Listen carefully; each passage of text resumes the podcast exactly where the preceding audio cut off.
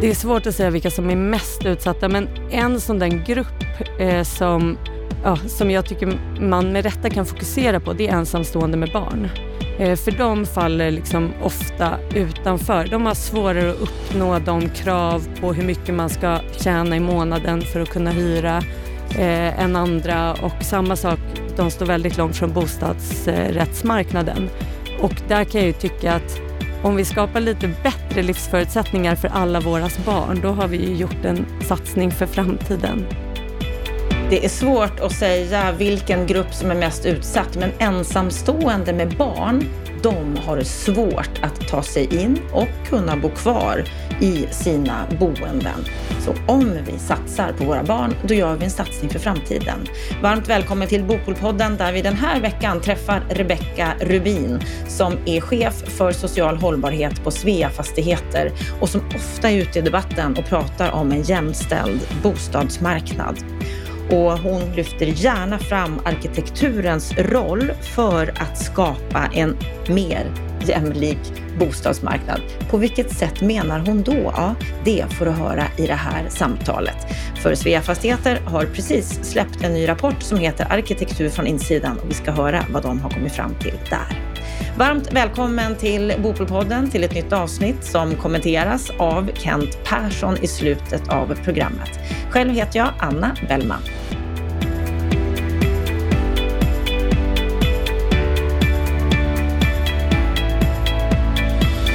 Den debatt som förs i det offentliga om fasader och stil ter sig tämligen onyanserat när Svea Fastigheter frågar sina hyresgäster om vad som ska uppskattas.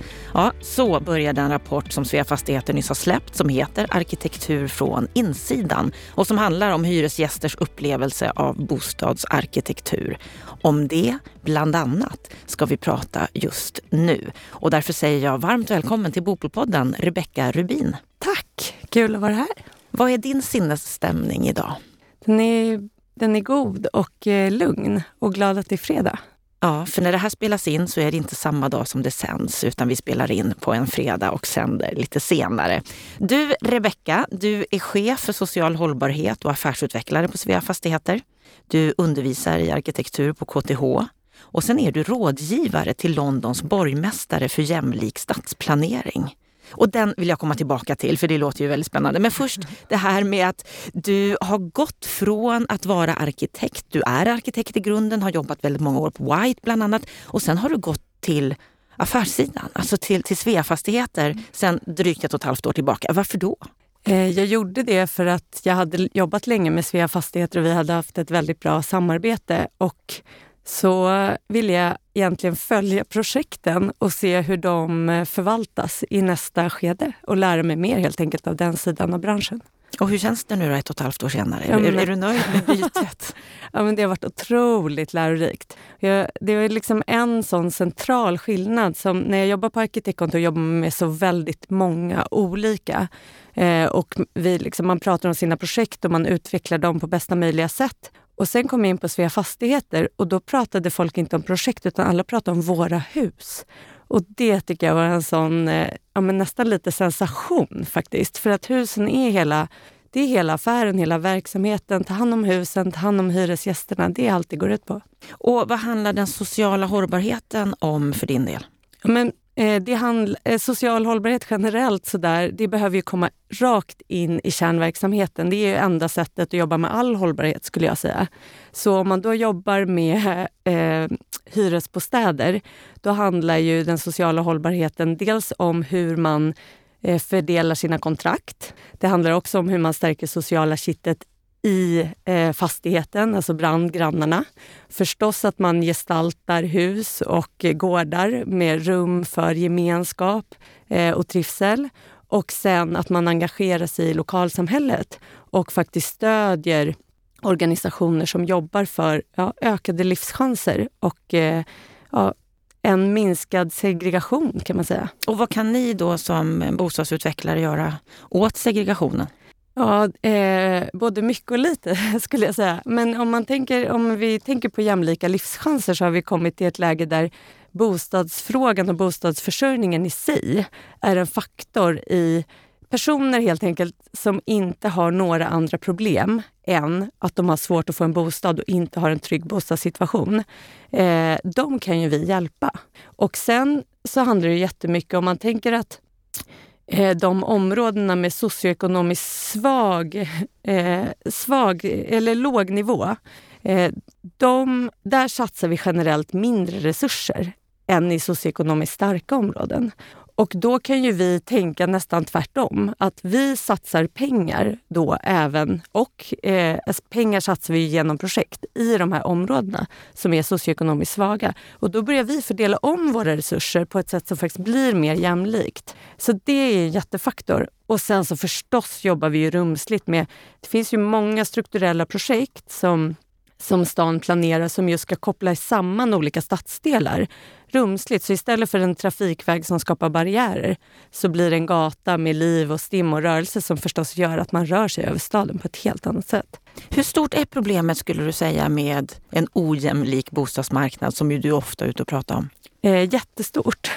Eh, och just det här att det fäller krokben för så många personer är ett stort problem och ett eh, Får man säga onödigt problem? Ja, det får man verkligen göra. Vad menar du med att det är onödigt? Men jag menar att eh, det finns ju... Man har olika förutsättningar och så försöker de flesta individer göra det bästa de bara kan utifrån det, de förutsättningarna man har. Och då om vi har individer som både har ett jobb eh, och som eh, försöker hjälpa barnen med skola och så vidare och så vidare att, de då, att vi då fäller krokben för dem för att de inte har någonstans att bo och måste flytta runt mellan olika lägenheter. Det är ju inte så smart samhällsekonomiskt långsiktigt. Onödigt. Ja, mm. onödigt. Mm. Och vilka är det som är mest utsatta skulle du säga? Det är svårt att säga vilka som är mest utsatta men en sån där grupp eh, som ja, som jag tycker man med rätta kan fokusera på, det är ensamstående med barn. Eh, för de faller liksom ofta utanför. De har svårare att uppnå de krav på hur mycket man ska tjäna i månaden för att kunna hyra eh, än andra. Och samma sak, de står väldigt långt från bostadsrättsmarknaden. Och där kan jag tycka att om vi skapar lite bättre livsförutsättningar för alla våra barn, då har vi gjort en satsning för framtiden. Så det vill vi inte tappa. Och vad gör ni då på Svea Fastigheter för att hjälpa den här gruppen då, bland annat? Ja, men, eh, vi gör ju flera saker. Då, men, eh, och bland annat så jobbar vi med massa olika organisationer. Allt från Vita Plats i Östberga och Läxhjälpen i Skärholmen för att faktiskt stötta skolframgångar med läxhjälp och hjälpa barnen så konkret. Eh, men sen har vi ju också ett eh, specifikt projekt som vi kallar för Barnbo. Och där eh, kommer vi helt enkelt prioritera ensamstående med barn i vår del av bostadskön. Så det, då får de liksom en liten ja, enklare väg in helt enkelt. Och sen så i, som på bo, aggregerat på bolagsnivå så har vi också då ett mål om att Eh, 5 av våra bostäder ska vara hem för fler och möta olika grupper som helt enkelt har svårt att få fatt på en bostad. Och det kan ju vara för att man ja, har varit utsatt för ett brott och behöver få en ny bostad eller för att man inte har eh, de fyra sista siffrorna i ett personnummer men vill eh, studera i Sverige och behöver ett hem. Ja, och så vidare. och så vidare. Det är så många olika grupper i samhället som faktiskt behöver eh, få tillgång till en bostad, ett förstahandskontrakt. Mm, och vi pratar ju ofta om unga som väldigt utsatta, men du menar att det finns andra grupper som är minst lika behövande? Ja men absolut. Och där, man, vi har ju gjort stora satsningar just på så här, studentbostäder och ungdomsbostäder. Så det har vi ändå lupp på och det är väldigt bra att vi har det. Och nu skulle jag ju vilja att vi hade samma lupp egentligen på gruppen ensamstående med barn. Inte minst då med tanke på barnkonventionen och att alla barn ska ha rätt till en trygg uppväxt. Vad skulle du vilja se från politiskt håll när det gäller det här? Oh. Mm, ganska mycket låter det som. Ja, men jag tycker det är svårt. Men eh, något som är så extremt tydligt är att strukturen med längst kötid som, eh, som eh, vad heter det, utslagsgivande om man ska få tillgång till en bostad eller inte, den gör liksom inte jobbet. Så därför får vi en ökande grupp strukturellt hemlösa. Det är de här som inte har några andra problem än just bostadssituationen.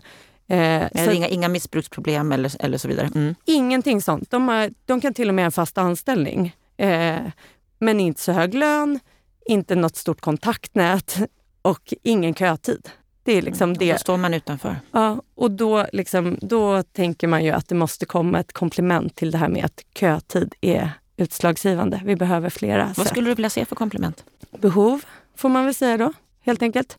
Eh, ja, och inte minst då mot den här gruppen. Jag lyfter dem igen helt enkelt. Och där det finns ju otroligt mycket bra eh, vad ska man säga, organisationer som till exempel... För när vi då ska jobba med det här, då är ju inte vi alltid mest kompetenta att avgöra vilka som behöver lägenheterna mest. Eller man ska säga. Men det är, till exempel Stadsmissionens bobyrå jobbar ju med att just förmedla mellan den bostadsbehövande och eh, den som har bostadsförsörjande. Då. Mm. Du eh, har ju det här spännande uppdraget också som jag nämnde inledningsvis att du är rådgivare till Londons borgmästare för jämlik stadsplanering. Berätta, vad är bakgrunden till det?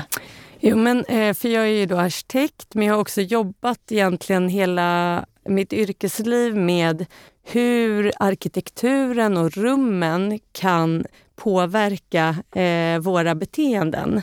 Och som till exempel det här jag nämnde innan med gator som kopplas samman. Eh, det är en sån sak, men också mera eh, specifikt kring grupper då, som till exempel ensamstående med barn. Men tidigare i eh, arkitektkarriären så jobbade jag mycket med unga tjejer när man såg att de använder ju inte de spontanidrottsplatser som vi bygger. Och om vi ska bygga en stad för alla, som vi ju alltid säger, då måste vi titta extra mycket på de här grupperna som vi missar och adressera deras behov. Så då eh, ja, men utvecklade vi eh, metodik eh, för hur man kan jobba just med att få in synpunkter från den gruppen som har behovet. Låt säga unga tjejer, det skulle kunna vara äldre kvinnor eller ja, andra grupper. Eh, och helt enkelt göra en designprocess med dem. Och Det som var så intressant då var att gestaltningen av de offentliga rummen som vi gjorde tillsammans, de fick andra uttryck. Det var allt från att det var liksom väldigt karaktärstark gestaltning, det var väldigt mycket liksom prat om att sittplatser skulle finnas så man kunde se varandra i ögonen. Och så ser man våra svenska bänkar som står på rad liksom efter varandra. Att det fanns någonting att göra.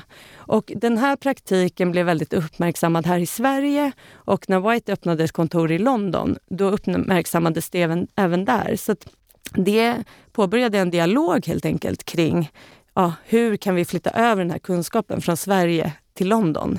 Och hur har det gått då? Jo, men eh, jag tycker att det går ganska bra. Jag är imponerad av London. Det som är intressant där är att de har jobbat så länge med liksom jämlikhetsfrågorna utifrån ett mångfaldsperspektiv. Lika länge som vi har jobbat med jämställdhetsfrågorna, alltså jämlik mellan könen. Så att de har metodiken framme, för man jobbar på väldigt lika sätt. Att man just prioriterar de som inte kommer till tals till skillnad då från att prioritera de som alltid kommer till tals. Eh, så att Ja, men så med det sagt så är det mer en resa för dem att få upp ögonen för ojämlikheten mellan pojkar och flickor, män och kvinnor, eh, än att förstå att man kanske behöver jobba annorlunda för att nå andra resultat. Så nu har liksom de både fått upp en guideline för hur man kan jobba med safer and more diverse cities med massa exempel kan jag tipsa alla som är intresserade om. Men också jobbar vi nu i ett spännande projekt där vi tittar på en idrottshall som heter Crystal Palace och hur man kan jobba med den för att den ska bli mer inkluderande. Vilka sporter ska det vara? Hur ska rummen se ut? Och vilka mål ska man sätta? Till exempel då så tittar vi på om, om eh, man kan ha målbilder som just handlar om både etnicitet och kön i medlemskapen på den här idrottshallen som skulle kunna vara en indikator på om man har lyckats att göra den mer jämställd och inkluderande. Spännande. Mycket. Och hur länge kommer du att jobba med London? Ja, men det är också väldigt, det är, jag är politiskt tillsatt eftersom jag är rådgivare till borgmästaren så det är på en fyraårsperiod till nästa val helt enkelt. Spännande. Mm. Vad, vad skulle du säga att vi har att lära av London? Oh. ja, men dels tycker jag att de är väldigt handlingskraftiga. I maj till exempel så kunde de gå ut stolt och säga att nu finns det lika många cyklar i London som bilar. Och det är en transformation som har hänt för att de faktiskt har omvandlat massa, massa gator till cykelvägar istället för bilvägar. Eh, så de får till förändringen och är modiga och vågar. Det tycker jag är en sak. Och det andra tycker jag är hur de jobbar så nära, för jag jobbar ju väldigt nära de som är de kommunala, regionala poli, eh, tjänstepersonerna. Och jag kommer ju då från privat sektor. Så att, att de lyckas ta in så mycket av den, eh, det privata näringslivets kompetens in, rakt in i kommun och regional verksamhet och då också lyckas föra ut mycket av den kommunala och regionala verksamheten. Det tycker jag, de har fått ihop en process för det som är väldigt funktionell. Skulle vi kunna anamma den, tror du? Ja, men jag tänker det. Och jag, det är ju många kommuner som är på väg. Eh, men det är någonting i hur de distinkt har sagt att vi på kommunen och regionen, vi ska sätta policies och ni eh, från privat sektor, ni ska bidra med liksom avantgarde spetskompetens i olika frågor. Och den tydliga fördelningen, eh, det bygger en väldigt bra dynamik. Otroligt häftigt och vi brukar titta på vad kan vi lära av andra länder? Vad kan gå att applicera i Sverige? Vad, vad är det viktigaste vi borde ta, ta med oss? Men eh, rent konkret stadsbyggnadsmässigt så är det ju att ha det här fokuset på andra grupper och det jobbar vi en del med här också. Men jag skulle säga att de är top notch på deltagande processer och att få dem att verkligen bli till byggd form. Och sen så är det ju just den här strukturen tycker jag med rådgivare på fyra år med en liksom väldigt eh, operativ roll som jobbar helt enkelt. Jag tänker på, på det här du nämnde inledningsvis, att vi i Sverige satsar mindre på områden som har störst behov än vad vi gör på områden som är starkare. Varför tror du att det ser ut på det sättet? Men, eh, ja, men, men det är väl en sanning med modifikation får man väl säga. Men eh, om man, tänker, om man tittar på fastighetsvärden, då är de ju bara helt krasst lägre, fastighetsvärdena läng, lägre i områden eh, med socioekonomiskt svaga områden än i socioekonomiskt starka områden. Det vet, det liksom, vi vet det alla och känner det. Eh, sen så är det väl också så att eh, det, eh, om man tittar på representationen i valdeltagande och vilkas röst som man faktiskt hör, då är ju socioekonomiskt starka personer mycket mer väl representerade i beslutsfattande organ men också mycket mer aktiva i debatten och rösta mer. Så det finns ju också liksom en, en skillnad där.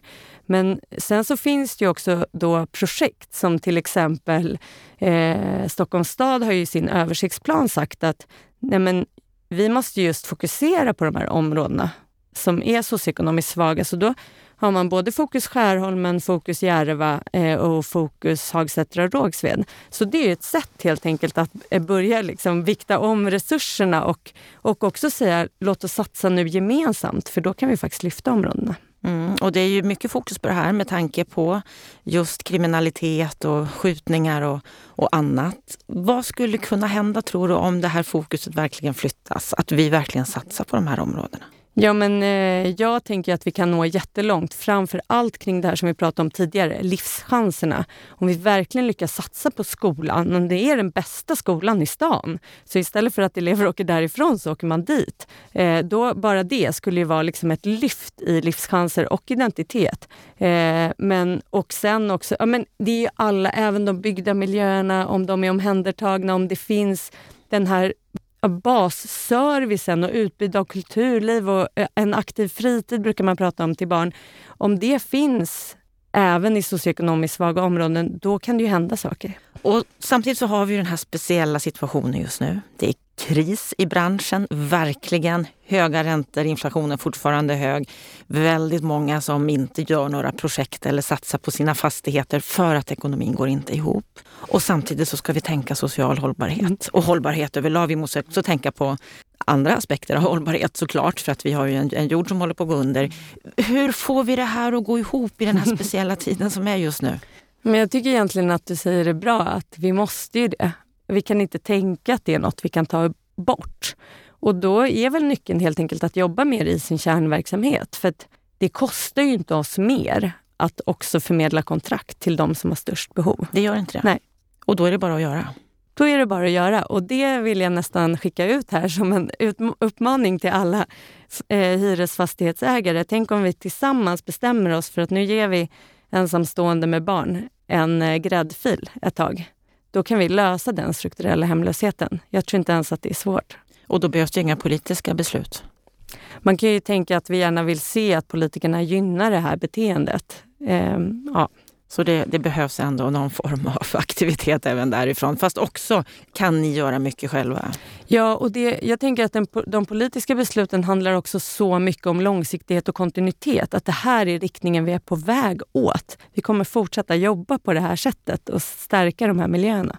Du, Rebecka, jag har ju bjudit hit dig idag för att ni nyss har släppt en rapport som då heter Arkitektur från insidan. Berätta, varför har ni gjort den här rapporten? Men vi har gjort den, ja, men apropå det vi pratade om tidigare, att vi har hus och hyresgäster. Det är det hela vårt bolag handlar om. Och då ville ha, eh, veta mer om hur hyresgästerna tänker om arkitektur. Och sen fick vi lite eld i baken för ett av våra hus fick, eh, ja, kom tvåa då, i Kasper Kalkonpriset och så tänkte vi men nu är det dags. Nu tar vi upp den här dialogen med våra hyresgäster. Mm. Och hur gick det till? Men då gjorde vi dels en enkät. Vi valde fem eh, fastigheter. Och så gjorde vi dels en enkät som vi fick ungefär 130 svar på som vi skickade ut till hyresgästerna. Och sen så gjorde vi med hjälp av Malin Sim eh, djupintervjuer.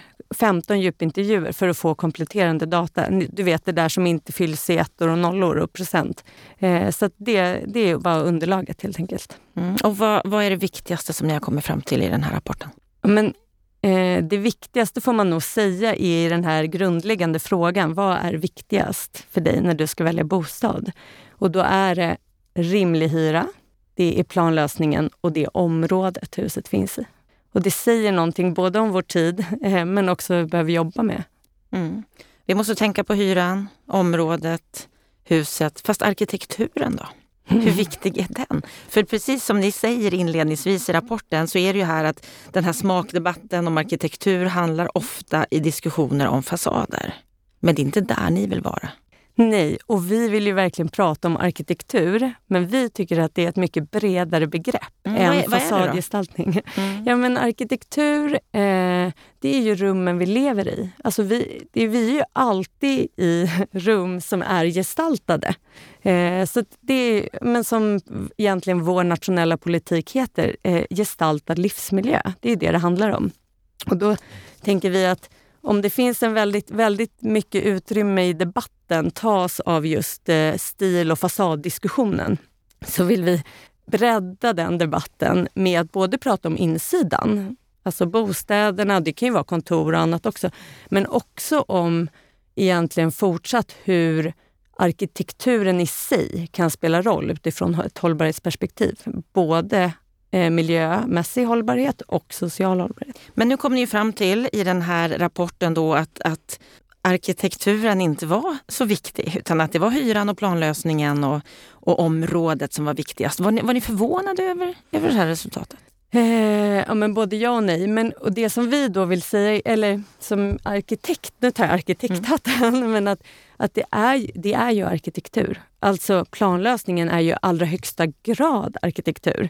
Så att eh, jag skulle vilja säga att hyresgästerna var uppmärksamma på mycket större del av arkitekturen än den här stilfasaddebatten är.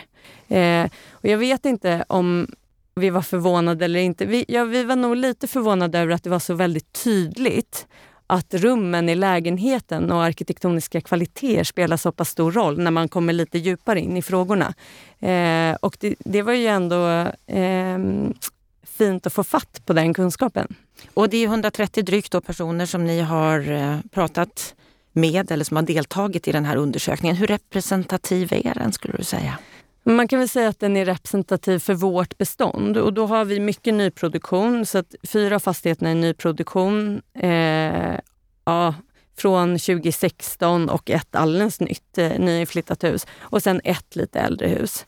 Eh, och man kan ju ta med sig ja, men ganska mycket tror jag av resonemangen eh, från enkätstudien till, eh, till andra projekt också. Mm, men just det här att det är mycket nyproduktion eller nästan enbart bara ett, ett hus som är, som är äldre. Kan man dra sådana här slutsatser då att, att det är så viktigt med just planlösning och det kanske det är när man väljer nyproduktion?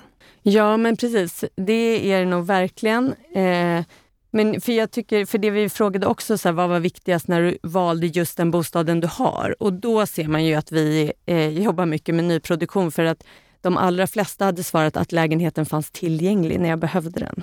Eh, men att planlösningen är viktig, det tror jag också växer över tid för att det, den, det en bra planlösning gör, det är ju att den skapar en, hjälper en i vardagen så att vardagen blir bra, helt enkelt.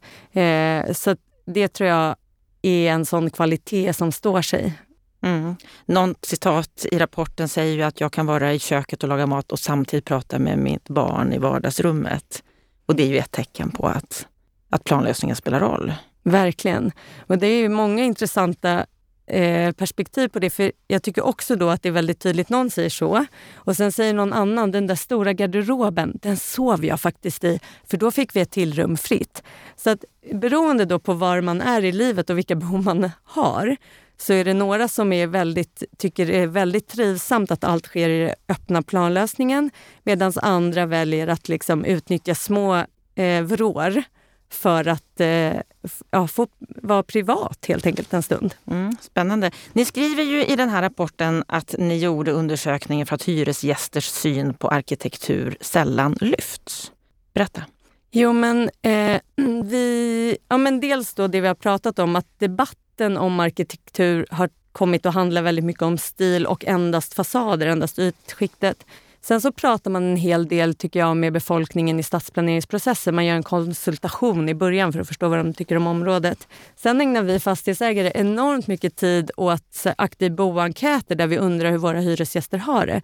Men frågorna om just arkitekturen och rummen, eh, de pratar vi inte så ofta om. Ni har ju pratat med hyresgäster som bor i hyresrätter i den här undersökningen. Tror du att det kan skilja sig åt vad man har för typ av preferenser, vad man föredrar om man bor i bostadsrätt? Att man äger sin bostad eller en del av föreningen. Kan det skilja sig åt? Ja, men det kan det säkert vara. Samtidigt så tror jag att, de här, att det är ljust och stor rymd eller många som värderar eh, kontakt, en eh, stor kontakt med utsidan. Att många av de mer grundläggande kvaliteterna, de är nog lika även i bostadsrätter. Det är de lägenheterna som vi kommer in och säger, ah, här vill jag bo. Även om man inte riktigt vet varför. Men sen så tror jag, för vi hade ju en fråga om eh, vilka material, eller var vi skulle, man skulle satsa på materialen. Och det kom lite utifrån att vi har tittat på bostadsrätter och det är så himla fina ytskikt överallt med marmorbänkar. Och, eh, och där måste vi säga vi blev lite förvånade när vi såg att det var väldigt få som tyckte det var en viktig faktor överhuvudtaget. Och om det var någonstans man liksom i så fall prioriterade att vi skulle satsa på materialet, då var det den här plattan, du vet när man kommer in genom hallen. Att den skulle vara större. Mm -hmm. Inte köket, inte badrummet, hallen utan just den där större. entrén. Mm. Ja. ja, det är det som är bra med undersökningar, tänker jag. Att man får svar som man kanske inte alltid har väntat sig. Och som du sa så gjorde ni ju den här rapporten utifrån kalkonpriset som, som ni fick som ju visar då att, att det finns de som inte tycker att, att ert hus var så snyggt. Eh, och just det här med eh, arkitekturupproret som ju verkligen driver den här frågan om fasaders utformning, om arkitekturens betydelse och vad vi ska ha för typ av fastigheter och hur de ska se ut och så vidare.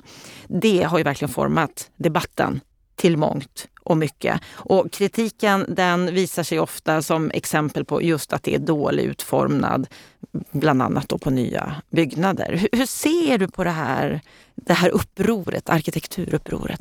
Ja, men, eh, vi, ja, vi återkommer ju till det för att de också får väldigt mycket utrymme i debatten. Och jag tänker att det är klart att vår, vår studie visar ju att fasaden inte är viktig vid val av bostad men det är också någon av hyresgästerna som säger Eh, ja, men jag vill hellre bo i ett lite lagom fint hus och titta ut på en vacker fasad. Mm -hmm. Och det är klart, vi vill ju också vara den vackra grannen. Så att, eh, det är klart att fasaderna spelar roll och det är väggarna i våra allmänna offentliga rum.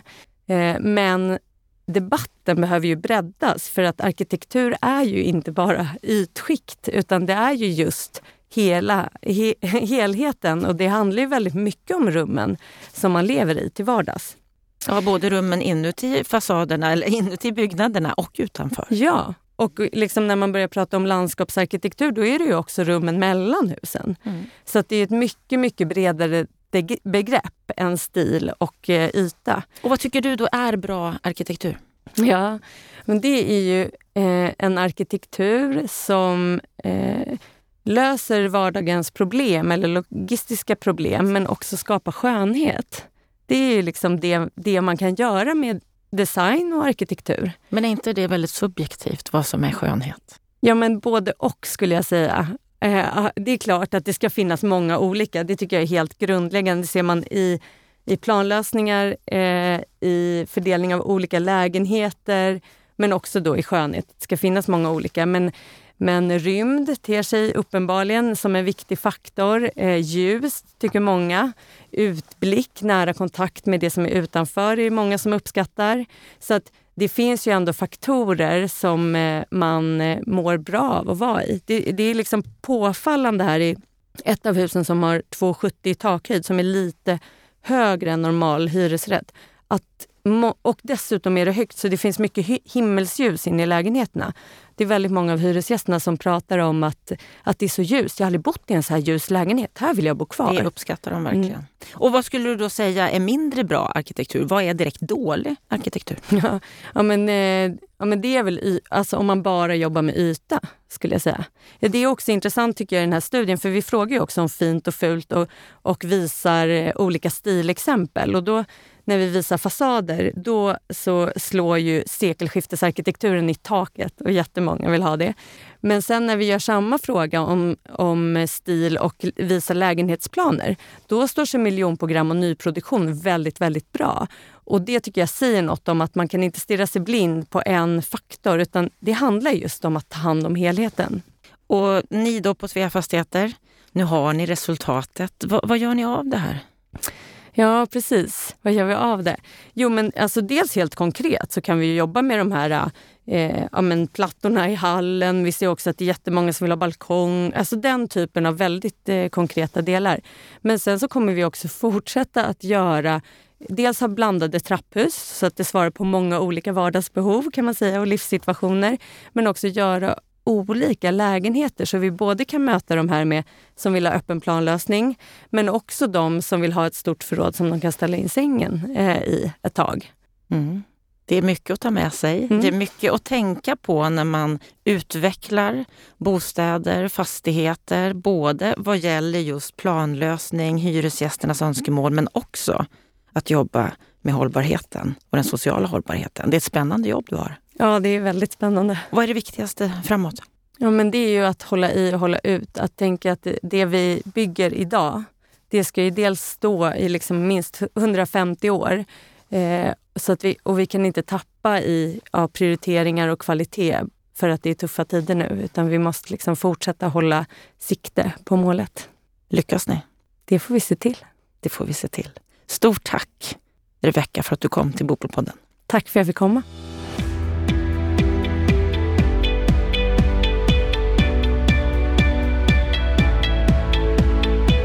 Ja, då har vi hört samtalet med Rebecka Rubin om social hållbarhet och arkitektur och vad både fastighetsägare och stat kan göra. Vad säger du Kent Persson om det här samtalet?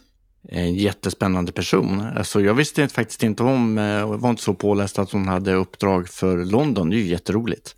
Och finns alldeles säkert eh, all anledning att följa henne lite närmare i det arbetet också och se vilka erfarenheter och lärdomar man kan dra av, av, av det. Och också spännande detta med att man jobbar just också med rådgivare som blir lite operativa. Det kanske är något som vi borde snegla lite grann på i Sverige, framförallt i de större städerna. Och vad säger du då om hennes syn på detta med den sociala hållbarheten, att det ofta är barnfamiljer som hamnar i kläm? Ja, vi har ju pratat om det några gånger i, i våra poddar, att vi ser också att allt fler barnfamiljer råkar illa ut, har det ganska tufft ekonomiskt och framförallt ensamstående med barn har det ju jättetufft.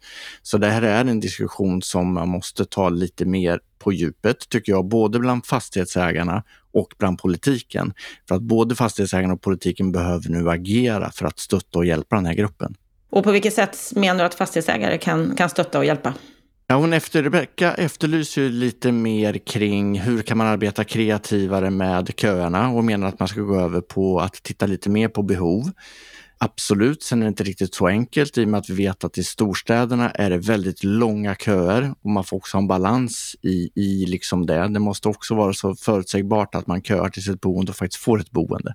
Annars är ju risk att den där kön, att man aldrig kommer framåt i kön. Men jag förstår henne i att vi behöver prioritera de utsatta grupperna. Och det är klart att där kan ju fastighetsägarna själva arbeta med sitt kösystem och faktiskt prioritera de som har lite större behov. Det är det ena en privat fastighetsägare kan göra. Det andra för den här gruppen som kanske har lite svårt att, att eh, betala de hyrorna som krävs i nyproduktion är ju att man också kan jobba med rabattsystem riktat mot de här grupperna för att underlätta att de kommer in på bostadsmarknaden. När det handlar om politiken så tycker jag att det finns ett par saker som politiken ganska snabbt skulle kunna göra. Det ena är ju Karolina Skogs utredning där hon lyfte hyresgarantier för just den här gruppen. Och det skulle faktiskt regeringen kunna ta tag i lite snabbare för att kunna hjälpa den här gruppen in på bostadsmarknaden. Och det andra politiken behöver göra, det är ju att titta på en heltäckande social bostadspolitik. Vi är i ett läge där tyvärr allt fler får det allt svårare att komma in på bostadsmarknaden och har det ganska svårt att bo kvar. Så att det är en större grupp idag som riskerar att råka illa ut och då måste faktiskt politiken börja agera. Kan det vara så att den här behov, det här behovet av liksom en övergripande, genomlysande reform när det gäller bostadspolitiken, att det liksom hämmar att det sker konkreta saker? Att vi liksom strävar efter för mycket just nu politiskt? Det finns en risk för det, att man vill lösa helheten och att man därmed aldrig liksom kommer fram till mål. Vi har några, eh, några utsatta grupper som är lite extra utsatta just nu. Det, det är kvinnor generellt eh, och kvinnor som eh, ibland behöver flytta av lite olika skäl från sin partner.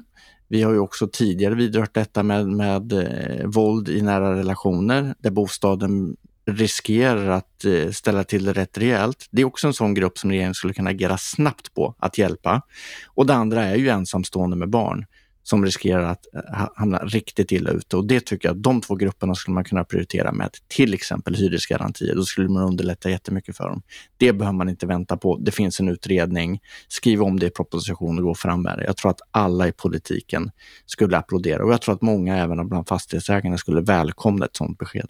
Om vi går vidare med det andra ämnet som Rebecka Rubin också pratade om, nämligen om arkitekturen, att den inre miljön är viktig. Hur ser du på hennes resonemang här? Spännande. Hon fokuserar ju ganska mycket på den inre miljön och jag tror att när människor ska flytta till ett nytt boende, oavsett om de köper det eller en nyproducerad hyresrätt, så är det såklart att man tittar först på planlösningen det är naturligt och att de i sin undersökning, att det liksom kommer upp ganska högt på agendan i och med att de också jobbar väldigt mycket med nyproducerade hyresrätter, är jag inte så förvånad över. Sen i nästa perspektiv så tror jag att eh, hyresgäster och boende börjar också titta på utemiljön. Och när du har bott in dig så är det såklart att eh, då kanske man också börjar reflektera mer kring fasader också som är hett att diskutera. Men jag tänker helheten med grönytor och hur man kan röra sig i områdena. Och eh, där, det där, utemiljön är underskattad. Den är jätteviktig och kommer bli ännu mer viktig framåt. Det är ändå spännande att höra vilken roll både den inre och den yttre miljön kan, kan spegla för, för trygghet och för hur, hur man trivs i sitt boende. Vad säger du om underlaget som de har, har grundat det här på? Det är ett ganska litet underlag och det säger ju Rebecka också. Hon säger också att det återspeglar ju säkerligen hur hyresgästerna ser ut i deras bestånd och de har en ganska stor andel av nyproducerat. Så det är väl en värdefull del att ta med sig. Jag tycker att i den allmänna debatten är det ändå värdefullt att ta med sig att man måste balansera det här med arkitektdiskussionen, både kring den inre delen och den yttre delen. Den yttre delen delar upp också kring fasad, fastighetsutformande, men också kring eh, hur vi bygger närmiljön.